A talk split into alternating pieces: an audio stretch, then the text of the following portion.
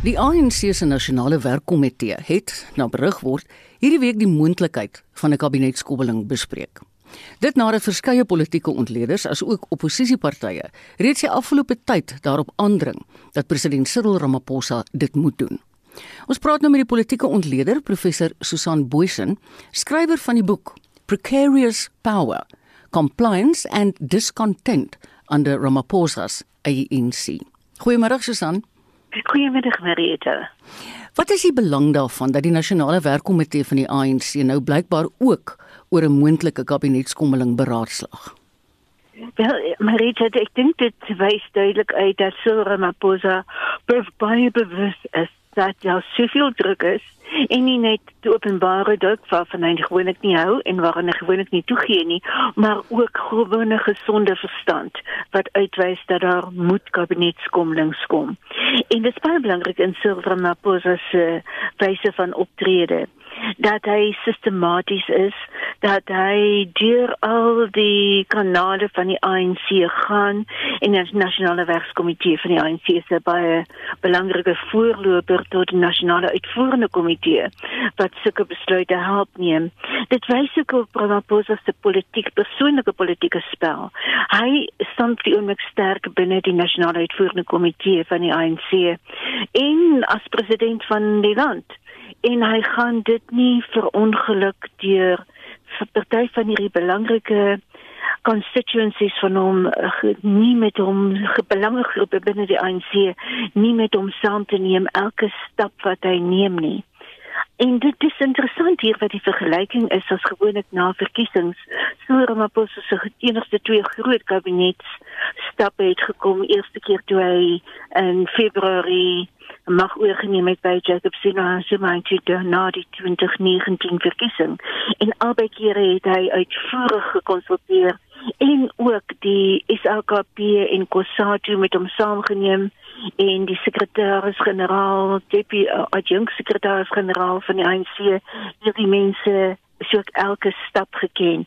So hy is baie versigtig dat hy hierdie fyn politieke spel speel, maar hy gee ook daarom die tekens dat hy besef daar moet veranderinge kom.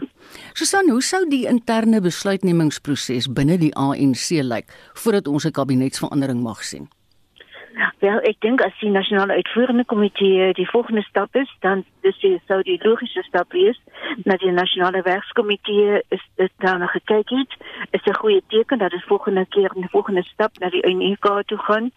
En ja, so dit is 'n sistematiese stap wat Ramaphosa neem om sy dis seker dit is seker te wees dat sy mag gekonsolideer gaan bly want ons weet ook dat een van die groot groot stappe hier is rondom die minister van gesondheid en alle waarskynlikheid Dr. Zweli Mkhize en Dr. Mkhize is so 'n belangrike magspion in die provinsie KwaZulu-Natal se ANC politieke magspel dat Ramaphosa baie versigtig gaan wees dat hy nie daardie skuif gaan maak en ek dink hy moet daardie skuif maak mm. want daar mm. die minister nie pad steek dat net geen werk om daarvan nie maar Zulumkise was KwaZulu-Natal ANC se groot hoop gewees vir 'n volgende ANC president wat uit hierdie provinsie uit moet sal kom. En so en daardie is daardie strategie van die provinsie en daardie provinsie is 'n groot deel van die ANC se ja. magsbasis. 20% van die ANC se lede kom uit daardie provinsie uit. En met die huidige um om om wen om op op on nie ek noem dit onluste of omwentelinge wat ja. ook al is. Ja, nee, ek weet. So, daar moet opgetree word. Ja. Susan, dit verskil nogal heelwat van die Zuma era, né? Nee ongelooflik baie. Daar het Zuma omtrent elke aand voor hy bed toe gegaan het, eers gedink of hy nie 'n middernag uh, kabinet kom bling moet doen nie. Maar daar was 'n groot aantal gewees. Daar dan was vir mense kleintjies, kleintjies stel of die groot net die groot stel, maar daar was ons daar was baie meer as 'n dosyn gewees van hierdie skuwe wat onder Zuma plaasgevind het. Ramaphosa is baie versigtig om dit nie te doen nie, want sy Ramaphosa se kabinet is ook 'n baie interessante balansering van verskillende magsgroepe, belangegroepe ja. binne die ANC en dit is 'n fyn balans van voormalige Zuma mense wat nog steeds stammelike Zuma mense is tot Zuma mense wat Ramaphosa mense geword het tot tot toegewyde Ramaphosa mense tot Ramaphosa mense wat nie meer so skoon is aan die korrupsiekant nie. So dit is so ontsaglike fyn magspel en daar moet Ramaphosa seker maak dat hy as wanneer hy mense uitskuif dat hy hulle nie vervreem nie. En dit is hoekom dit ook so belangrik is van wat hy met die sekuriteits ehm um, groepering van van die State Security State Security Agency tot uh, verdediging tot polisie wat hy met hierdie baie sensitiewe portefeuilles gaan maak want hy kan nie kan nie enige kans waag om hierdie mense te vervreem nie. Susan, wie is die een minister wat jy reken lankal afgedank moes gewees het? Ja, dit is interessant. Jy het nou met Willie McKinsey nie konkrete um, bewyse wat lyk lyk na bewyse wat rondom ondersoeke wat na vore kom is is hy waarskynlik een wat uitstaan maar hy is nie een wat lank lank lank reeds uitgewys dat daar redes is wat dat daar teen hom opgetree moet word nie weet maar dit daar is so 'n uh, dat 'n groot groep mense binne hierdie kabinet wat werklik al swak gepresteer het en rede kan gee waarom hulle nie verder dan wees nie. Maar dan het dit weer oorgewaai.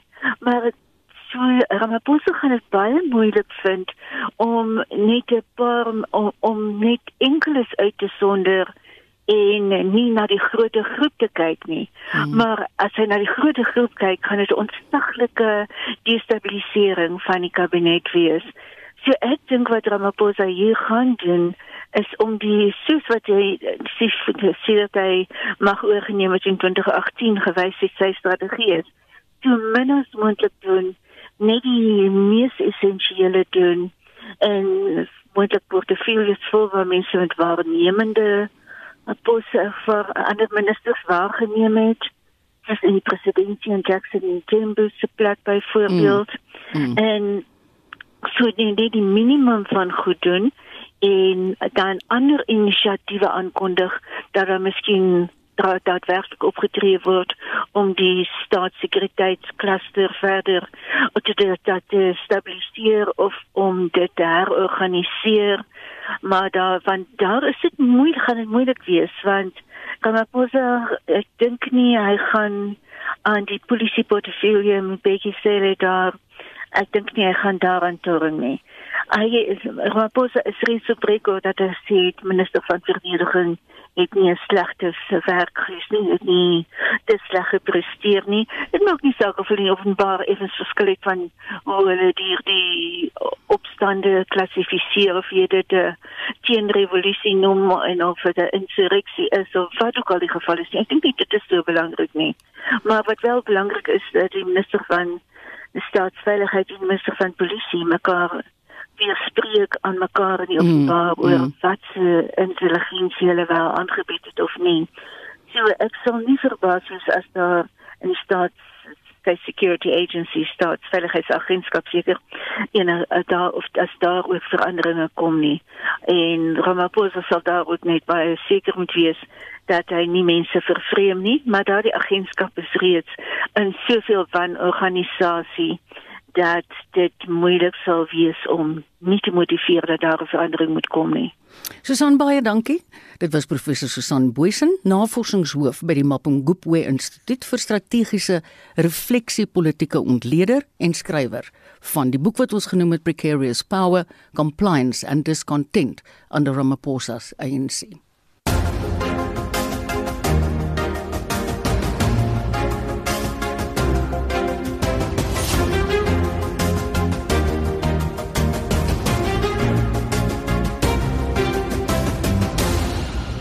Jy luister na Spectrum.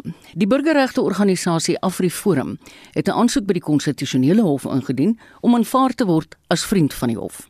Dit hou verband met die verkiesingskommissie se poging om die Oktober plaaslike verkiesing na Februarie volgende jaar uit te stel. Afriforum se bestuurder van plaaslike regering, Morney Mostert, het aan Marlenae Forsie gesê, hulle besluit om betrokke te raak is om te verseker dat landsburgers se grondwetlike regte nie geskend word nie. Hy glo hulle gaan nie die enigstes wees om so te maak nie. Tydens die perskonferensie gister het die voorsitter meneer Lens Mashishini gesê dat hulle hierdie aansoek ook gaan oorhandig aan al die politieke partye wel vir ons vreemd op hierdie stadium dat hulle nie al die politieke partye gesiteer het by hierdie aansoek nie, maar ons neem aan dat meeste van die politieke partye sowel as ander gemeenskapsgebaseerde organisasies gaan ook toetree om hulle regte binne in hierdie besluit van die OVK te gaan beskerm. Ek dink die grootste en die belangrikste argument wat hier ter sprake gaan wees is natuurlik of die grondwetlike hof die bevoegdheid het om voort te gaan om eintlik 'n bevel te gee wat die OVK verlang, eintlik grondwetlike verandering nodig het. Menend die grondwetlike hof gaan gevra word om eintlik 'n funksie van die parlement uit te oefen. En dit is natuurlik 'n groot probleem met die skeiding van magte wat daar binne in Suid-Afrika bestaan. So ons doel is juis om te sê ons gaan regsargumente gaan voorhou en eintlik deel van die gesprek wees om te verseker dat burgers in Suid-Afrika se regte en veral reg om te stem, maar sowel die regte om veilig te kan gaan stem, ook beskerm sal word. Ek sien in 'n persverklaring verwys hulle ook daarna dat hierdie is regtig 'n belangrike verkiesing vir al wanneer 'n mens kyk na die toestand van munisipaliteite in die land. Die grondwet sê ook 'n bepaling dat verkiesings gereeld gehou moet word. Die rede daarvoor is dit kan die samestelling van die raad kan dit moontlik verander deur om hierdie verkiesing eintlik te hou. So daar is 'n 'n deel van die grondwet is hierdie beperking en om te verseker dat dit ook demokraties kan wees vir mense om deel te neem aan hierdie proses en daar waar die vorige munisipale raad nie by hulle verpligtinge uitgekom het nie, bied dit 'n geleentheid vir mense aan om die situasie te sou dan nou die verkiesing gehou word op die 27ste Oktober. Julle sê julle is bereid om van julle lede te ontplooi om seker te maak dat die regte protokol gehandhaaf word. Kan jy vir ons 'n bietjie uitbrei daarop? Afriforum het in die vorige verkiesings ook as verkiesingswaarnemers deelgeneem. Ons het meer as 150 takke regoor Suid-Afrika waar die takke se takbesture dan nou take uitoefen jy weet van plaaslike regering, omgewingsake en so voort, maar natuurlik as deel van die reg om te stem, neem ons ook deel as verkiesingswaarnemers waar as ons enige probleme met die verkiesingsproses sien, dan volg ons die proses om daai klagte of daai probleem dan nou aan die verkiesingskommissie oor te dra en hulle attent te maak oor die verbreeking van die reëls. Ons het dit in die verlede natuurlik gedoen en ek dink 'n nuwe gedeelte wat hierdie jaar gaan bykom is om te verseker dat enige COVID maatreëls wat uiteengesit word, juis wat op stemlokale van toepassing is, dink ek gaan natuurlik 'n groot gedeelte wees wat ons ook gaan monitor. Dit was Afriforum se bestuurder van plaaslike regering Morney Mostert. Ons bly by die onderwerp. Die proses met die aanwysing van kandidaate vir die plaaslike verkiesing op 27 Oktober gaan voort, soos ons gesê het, ten spyte daarvan dat die verkiesingskommissie by die konstitusionele hof aansoek doen dat die verkiesing tot minstens Februarie volgende jaar uitgestel word. Professor Erwin Schwella is 'n kenner in publieke leierskap en hy sluit nou by ons aan om die proses te verduidelik. Goeiemôre Erwin. Goeiemôre. Eerstens, mag enige Suid-Afrikaner hom of haar as 'n kandidaat in die verkiesing beskikbaar stel? Hoe doen 'n mens dit? Wel, enige Suid-Afrikaner wat eh uh, voldoen aan die vereistes om te registreer as 'n kiezer. So, ehm um, daar daar's bepaalde ouderdomsbeperkings en kwalifikasies ten opsigte van jou geskiktheid in terme van byvoorbeeld bepaalde kriminele oortredings wat jy in die verlede mag begaan het, maar dit beteken eintlik dat alle volwasse Suid-Afrikaners in beginsel uh vir die verkiesing kan staan en ek dink ook behoort te staan omdat ons 'n werklike behoefte het aan beter kandidate en beter verkose lede op plaaslike owerheidsvlak. Ek dink jy dat hulle rekords ook deurgegaan dis wat tans in die parlement is. Dis sommer net 'n dis net 'n grappie. hoeveel hoeveel rand kos dit 'n individu of 'n party per kandidaat om te registreer? Die kostes uh, in die amptelike stelsel is eintlik weglaatbaar klein. Uh so die die die groot koste is nou nie die die koste om te registreer. Ehm um, en ek moet sê ehm um, ek is nie heeltemal seker van die presiese koste wat dit is nie. Daar's uh, gewoonlik by by nasionale en provinsiale uh, verkiesings uh, um, is daar ook 'n uh, uh, soort deposito wat jy moet betaal om te verseker dat jy nou nie net 'n soort uh, skimkandidaat is nie, maar dis nie groot kostes amptelik nie. Wat wel waar is is om 'n verkiesing uiteindelik die veldtog te voer en dan verkies te word en veral omdat jy meeding met uh, georganiseerde politieke partye as jy nou as 'n individu sal staan is nogal duur. Ehm um, en dit uh, dit moet 'n mens dan in ag neem. Ehm um, as jy as 'n individu gaan staan vir 'n plaaslike owerheidsverkiesing en ek wil dit ook sê daar is nou groepe wat saam staan om byvoorbeeld belastingbetalersverenigings se kandidaate mm. te help om baie kostes te dra sodat hulle dan kan staan en ook die voordeel kry van ehm um, miskien die oordragstem wat nie net 'n kiesafdelingsstem is nie, maar wat 'n stem is wat jou in staat stel om ook ook proporsionele verteenwoordiging te kry. Erwin, wat is die opsies wat aan onafhanklike kandidaate beskikbaar is om te probeer verseker dat hulle wel 'n setel in die munisipale raad wen? Nou ja, dit is uh, dit sluit uh, aan by, by by die punt wat ek nou net gemaak het normaalweg uh, uh, uh, word Suid-Afrikaanse verkiesings uh, en in elk geval omdat dit statutêr so bepaal is op provinsiale en sentrale vlak oorheers deur politieke partye. Mm. Ehm um, uh, die situasie gaan nou ook verander, maar dis 'n gesprek vir 'n ander dag. Op plaaslike vlak was dit eintlik nog altyd moontlik om uh, as 'n onafhanklike kandidaat te staan. Die probleem was juis die koste om veldtogte te vier te voer en ook om in mededinging te tree met met politieke partye met sterk organisatoriese basisse. Uh dit um, is dus nie net moontlik nie, maar ook wenslik dat ons baie meer onafhanklike kandidaate op plaaslike owerheidsvlak sal kry sodat ons in 'n sekere sin die goed wat plaaslike owerhede vir gemeenskappe moet doen, ehm um, kan doen op wyse wat nie net gedryf word deur politieke ideologie, sentrale agendas en politieke partye se uh, besondere voorkeure nie. Nou, so ons wil graag aanmoedig dat onafhanklike kandidaate hulle verkiesbaar stel en tweedens dat hulle gebruik maak van hierdie uh, toenemende moontlikhede nou om deur 'n uh, groep te vorm. Mm. Uh, sê nou maar die belastingbetalers of die die die die die, die besorgde burgers uh, 'n groep te vorm en te sê ons wil op plaaslike kwessies uh, uh wil ons uh, fokus en ons gaan staan en ons gaan op ons op ons kaartjie. Gaan ons hierdie agenda voer ons gaan mekaar ondersteun. En dan as ons gekies word kan ons nou ook op hierdie basis die oordrag stem vir proporsionele verteenwoordiging kry en eintlik op 'n manier 'n groter impak maak hmm. op plaaslike vlak en 'n en 'n duik maak in die ondersteuning van politieke partye wat grootliks hulle eie ideologie en sentrale denkwyses hier op plaaslike vlak wil kom afdwing op ons. Waar is die werklike mag gesetel in 'n plaaslike raad? Uiteindelik is dit so dat eh uh, die die verkoop Erwin? Uh, ja, jy, jy het net vir 'n oomblik weggeraak begin weer met jou antwoord bleef? Ja, so ehm um, die die verkose raadslede is natuurlik die mense wat die demokratiese verteenwoordigers van ons as die burgers is en hulle het baie bevoegdhede maar daar is in terme van die munisipale struktuurwet en die manier waarop plaaslike owerhede in Suid-Afrika regeer word, dan nou ook gesagsliggame soos 'n uitvoerende komitee of 'n burgemeesterskomitee, ehm um, en dan het jy natuurlik ook die amptenare.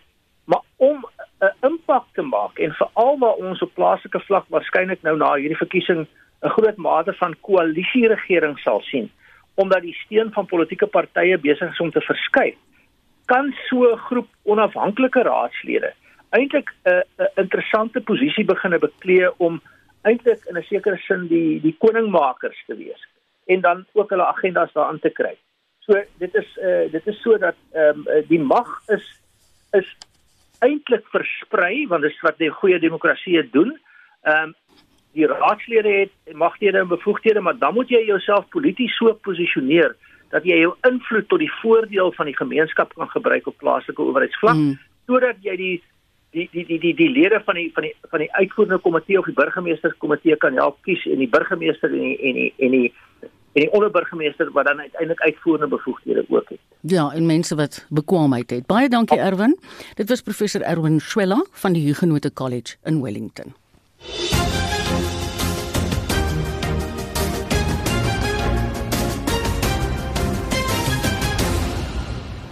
Regter Piet Koen van die Pietermaritzburg se Hooggeregshof het ingestem dat die wapenskandaal verhoor van Jacob Zuma vroeg volgende week in 'n oop sitting eerder as virtueel sal plaasvind.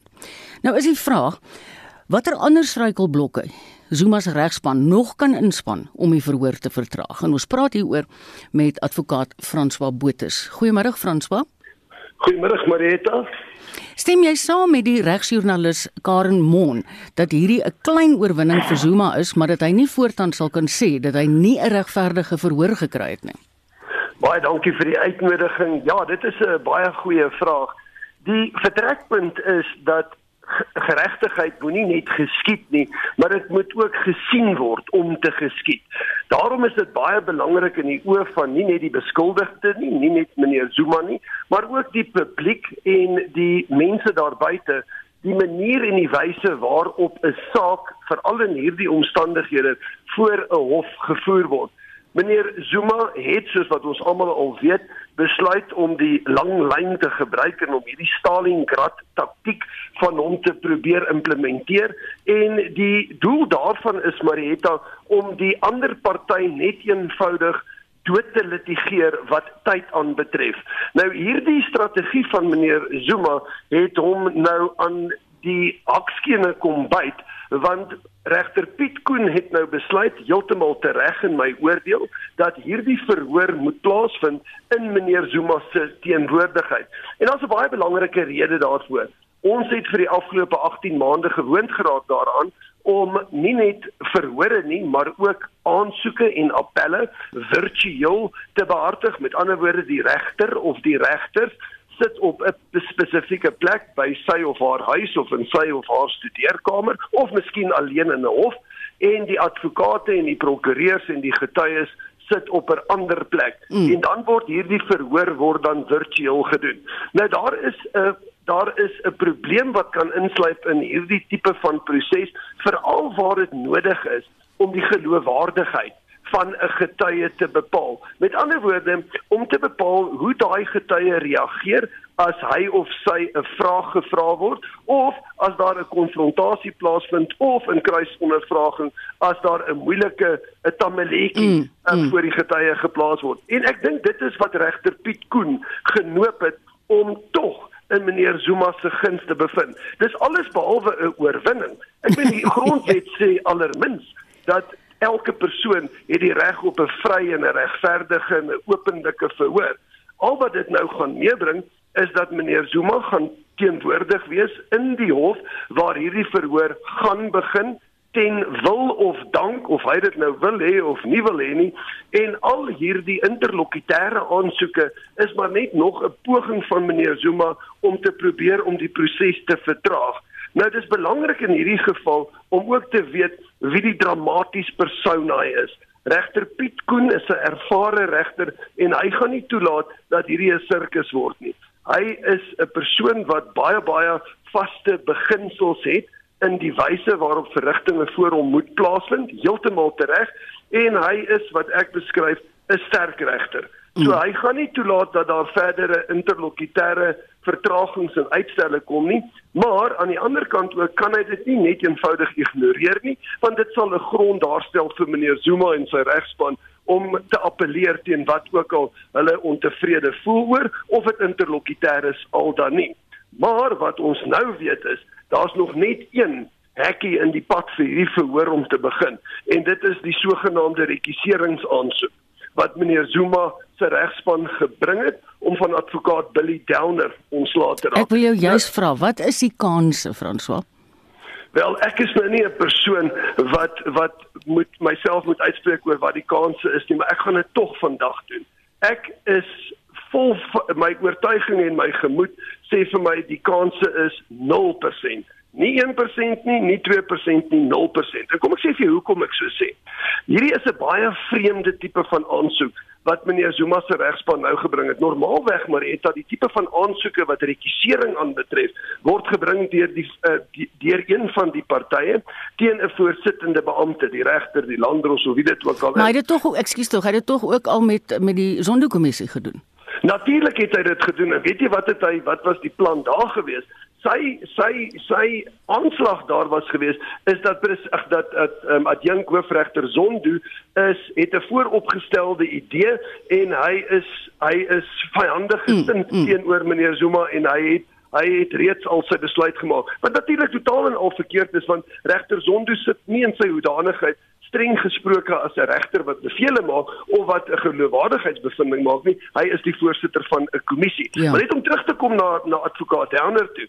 Daar is da, die die die onus is op meneer Zuma om te bewys dat advokaat Billy Downer is besig met 'n persoonlike vendetta teen hom. Met ander woorde, daar is geen regs of feitelike basis vir um, die staat om met hierdie vervolging voort te gaan nie of dat meneer uh, advokaat Billy Downer besig is om een of ander vorm van 'n bedrieglike voorstelling te maak. Nou kom ek sê vir jou dat almal moet dit sommer baie mooi verstaan.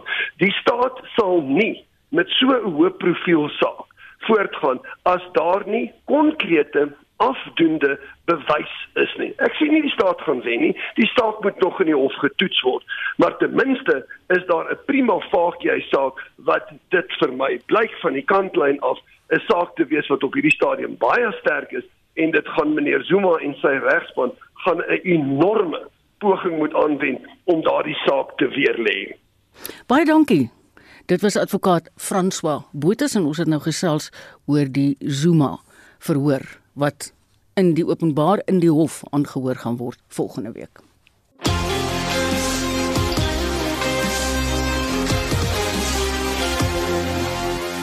Dis dag 13 van deelname by die Tokio Olimpiese Spele. Pieter van der Berg is gereed met die jongste. Hallo Pieter. Middag sê Marita. Ja, 'n interessante dag en uh, so twee mooi uitslae van Suid-Afrika. Ongelukkig nie medaljes nie, maar kom ons draf gou deur wat uh, die gebeure van vanoggend en laas nag Suid-Afrikaanse tyd. Daar was onder meer die 10 km oopwater swem vir die mans gewees en uh, daar is Suid-Afrikaanse Michael McGlynn uitstekend gevaar uit agste geëindig in 1 uur 51 minute en 32 sekondes. Die wenner was uh, Florian Welbrock van Duitsland in 1 uur 48 minute en 33 sekondes. So daardie tydsverskil is so 2 minute en 59 sekondes, maar 'n goeie wedren dan daar vir die Suid-Afrikaner Michael McGlynn. Dan in uh, die uh, volgende afdeling het ons gekyk na die mans wat in die sogenaamde park skaatsplank uh, afdeling betrokke was en daar het Suid-Afrika se Dallas Oberholzer het hy die 20ste plek ingeneem 24.08 punte wat hy bymekaar kon skraap. Die wenner was op 84.31 en dis Luis Francesco van Brasilië gewees. Dan beweeg ons na uh, een van die ander interessanthede en dit was uh, die atletiek, die mans uh, gewigstoot. Ons het baie uitgesien daarna want ons het 'n Suid-Afrikaner gehad wat dalk so buitekansie vir 'n medalje gehad het. Kyle Blighnout, nietemin die 6de plek, 21 meter, presies 21.00 meter. Dis wat hy aangeteken in sy beste um, gooi dan uh, vanoggend in daardie finaal van uh, die gewigstoot vir mans. Die wenner was in 'n nuwe Olimpiese rekord afstand van 23.30 meter die Amerikaner Ryan Cruiser en uh, die silwer het gegaan aan Joe Kovacs ook van die VSA met Thomas Wells van uh, Nieu-Seeland. Ja, die groot stewige geboude man. Hy is daar in die derde plek vir brons gewees met 22.47 meter Ons beweeg ook na uh, die 20 km uh, renstap toe. Nou daar was 'n een Suid-Afrikaner by die renstap in aksie. Hy was in 'n stadium uh, hier in die 25ste plek. Hy het die laaste entjie uh, goed teruggeveg, die laaste 8 km uit die 20 uit, Wayne Snyman en hy het geëindig die 20 km afgelê in 1 uur 24 minute en 33 sekondes. Dis nou in die renstap. Die wenner was Massimo Stan uh, Stanhou van Italië en sy wentyd was 1 uur 21 minute en 5 sekondes. So uh, môre is dit uh, die renstap vir die 50 km afdeling en daar sal dit 'n uh, maak uh, wees wat ook in aksie sal wees en dit is Mark Mandel van Suid-Afrika. Hy neem deel aan sy derde spele en so ook uh, die man wat ons dan vanoggend in aksie gesien het, Wayne Snyman wat by sy derde Olimpiese spele in aksie was. Dan was daar ook uh, rond 'n een van die 4x100 meter aflos nou Marita daar het ons verwag dat ons manspan dalk 'n mm. bietjie goed gaan vaar ja. maar daar's 'n paar mooi name daar aangewees maar ai toe laat val hulle die stokkie ja. en nee Suid-Afrika maak dit toe nie die wenners in 37.82 sekondes van daardie uitdin dis uh, dit was Jamaica gewees en dit was ook hulle seisoenbeste en hulle daarmee gekwalifiseer Groot-Brittanje en Japan hulle het ook deur gegaan en uh, ook onder die 9 goed onder die 39 sekondes maar die waarheid is net oor 38 34 beide spanne Groot-Brittanje en Japan. Maar Suid-Afrika, die stokkie, daar val die medalje boef op die baan. Mm. Dan beweeg ons na uh, die fietsry dis die mans uh, omnium um, afdeling en daar is basies vier wedrenne waarin deelgeneem word. Nou vanoggend in die eerste ene was dit David Maree van Suid-Afrika in die sogenaamde scratch race waar hy daar um, die 20ste plek ingeneem het. Dit was om die waarheid te sê laaste Matthew Wallace van Groot-Brittanje. Hy het daar geseëvier. Dan in die uh, tweede wedren vandag, die sogenaamde tempo uh, wedren, was dit 'n uh, bietjie beter geweest vir die Suid-Afrikaner. David Maree het daar 18de geëindig. En toe was daar ook natuurlik die die uitskakelings ehm um, wedren, die elimination of uitskakelings wedren en daar het hy goed gevaar. Ehm um, heel wat beter as die oggend. Hy het 15 net klaar gemaak, maar hy is dan nie deur na die laaste gedeelte, die vierde ene van daardie uh, wedrenne nie.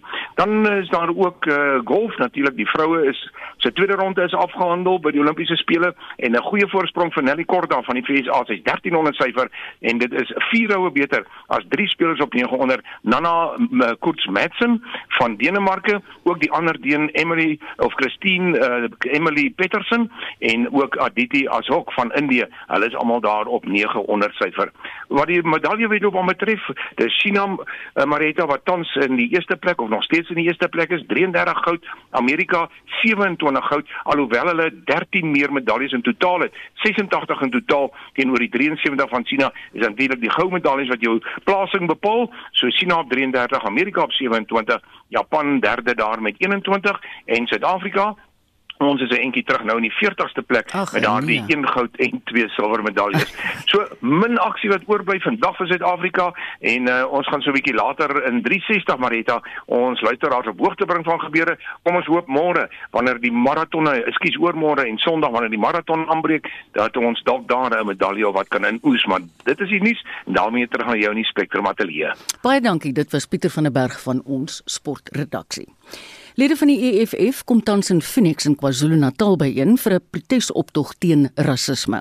Dit is na aanleiding van die dood van 36 swart mense wat glo voortspruit uit indeer inwoners van die gebied se optrede teen vermeende plunderaars. Hendrik Weingart hou die gebeure vir ons dop.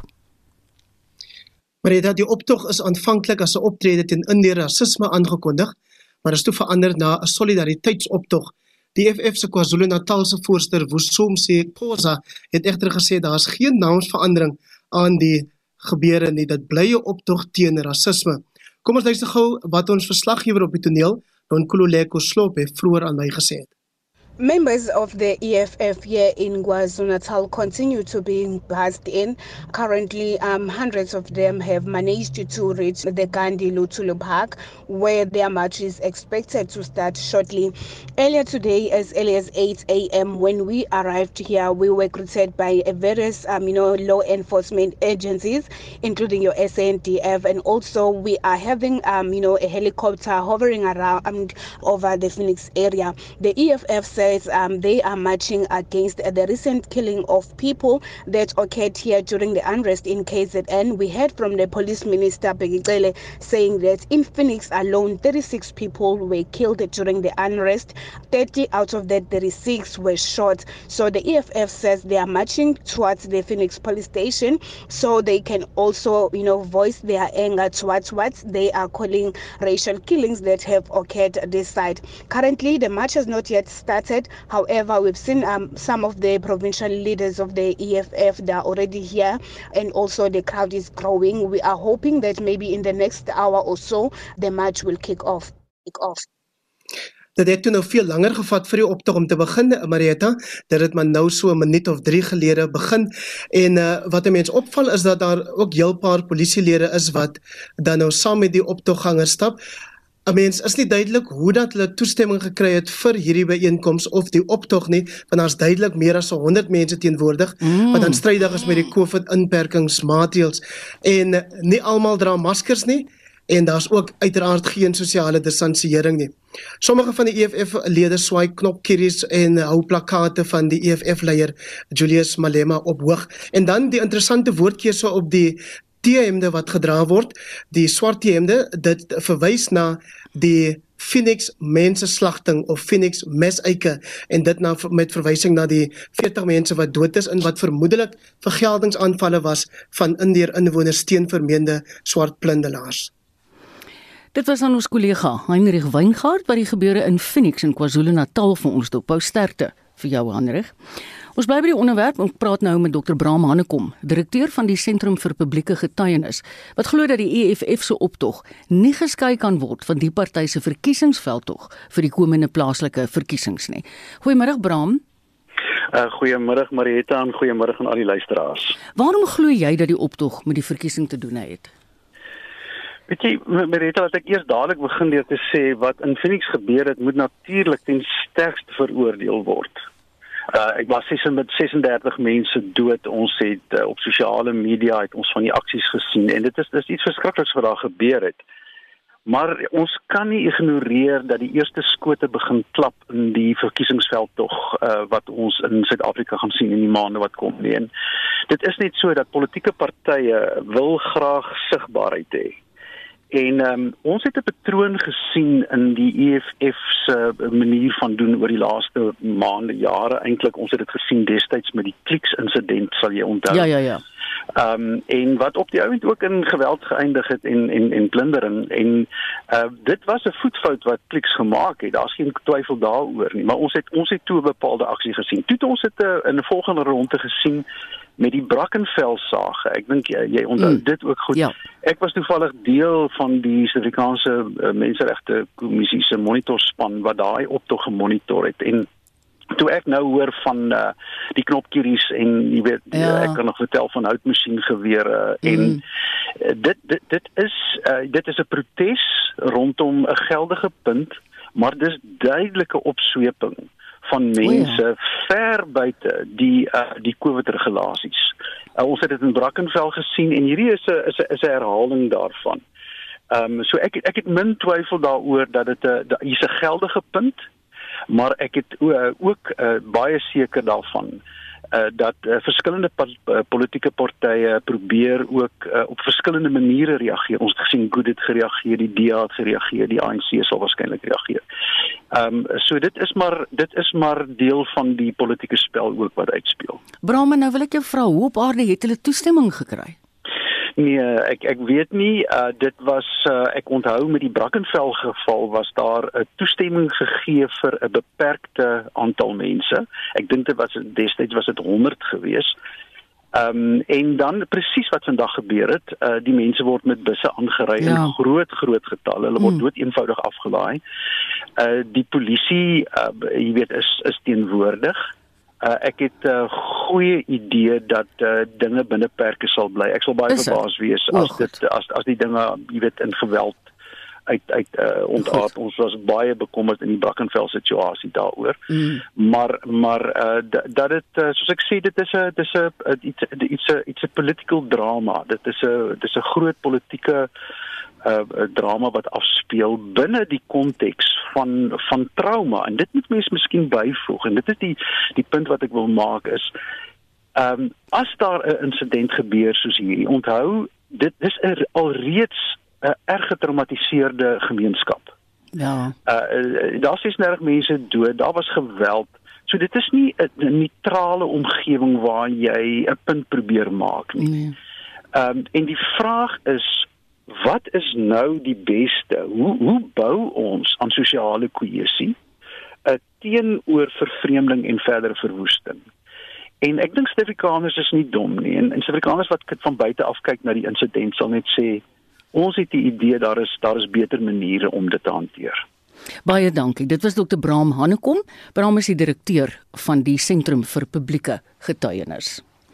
Die Suid-Afrikaanse Vragversendersvereniging sê hy is besig om die skade wat aan die verskaffingsketting aangerig is in veral die Durbanse hawe-omgewing op verskeie maniere te herstel. Dit volg op die onluste wat bedrywigheid in die hawe tot 'n stilstand gebring het, asook natuurlik die onlangse kuberaanval op die vervoermaatskappy Transnet. Vir meer hieroor sluit 'n direksielid van SAF, Resou Botha, by ons aan. Goeiemôre Resou. Goeiemôre Marieta. Wat is in hierdie stadium vir julle prioriteit? Marieta, nou dat die uh, die krisis al verby is, is die prioriteit om 'n ehm um, 'n gebeurlikheidsplan ehm um, daar te stel. En hoe gaan julle te werk gaan om al julle doelwitte te bereik soos nou byvoorbeeld die gebeurlikheidsplan?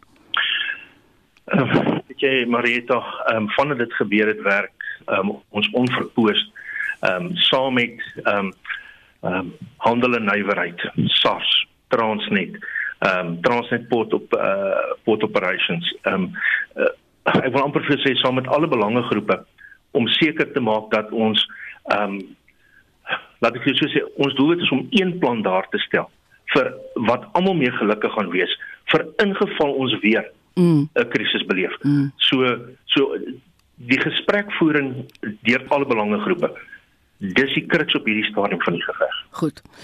Ek wil jou vra wat is die ehm um, belangrikste lesse wat geleer is uit die onluste enerzijds en ook die kuberaanval?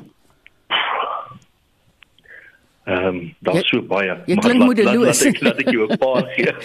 Ehm um, weet jy die eerste ding natuurlik is hierdie gebeurlikheidsplan wat nie in plek was nie. Ehm um, ja. weet jy ehm um, en soos ek vir jou sê dat ehm um, ons werk die direksie um, werk saam met um, alle partye en ons gee insette om seker te maak dat hierdie ding regtig 'n werkbare plan is en hy moet realisties wees natuurlik. Jy weet ja. dit dit help nie sit 'n ding daar wat nie gaan werk nie.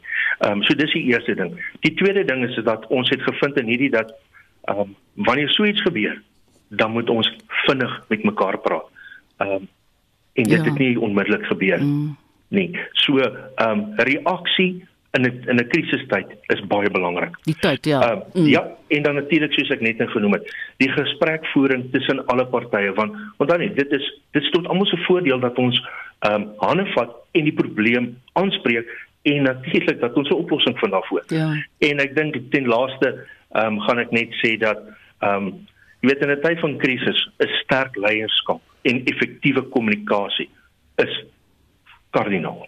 Ek het ook opgetel uit julle mediaverklaring dat julle baie sterk voel oor samewerking tussen die regering en die private sektor. Is dit reg?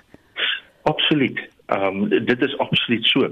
Jy weet die ehm um, as as private sektor sit ons met kundige mense wat ehm um, absolute positiewe insette kan lewer wanneer um, ons krisisse het.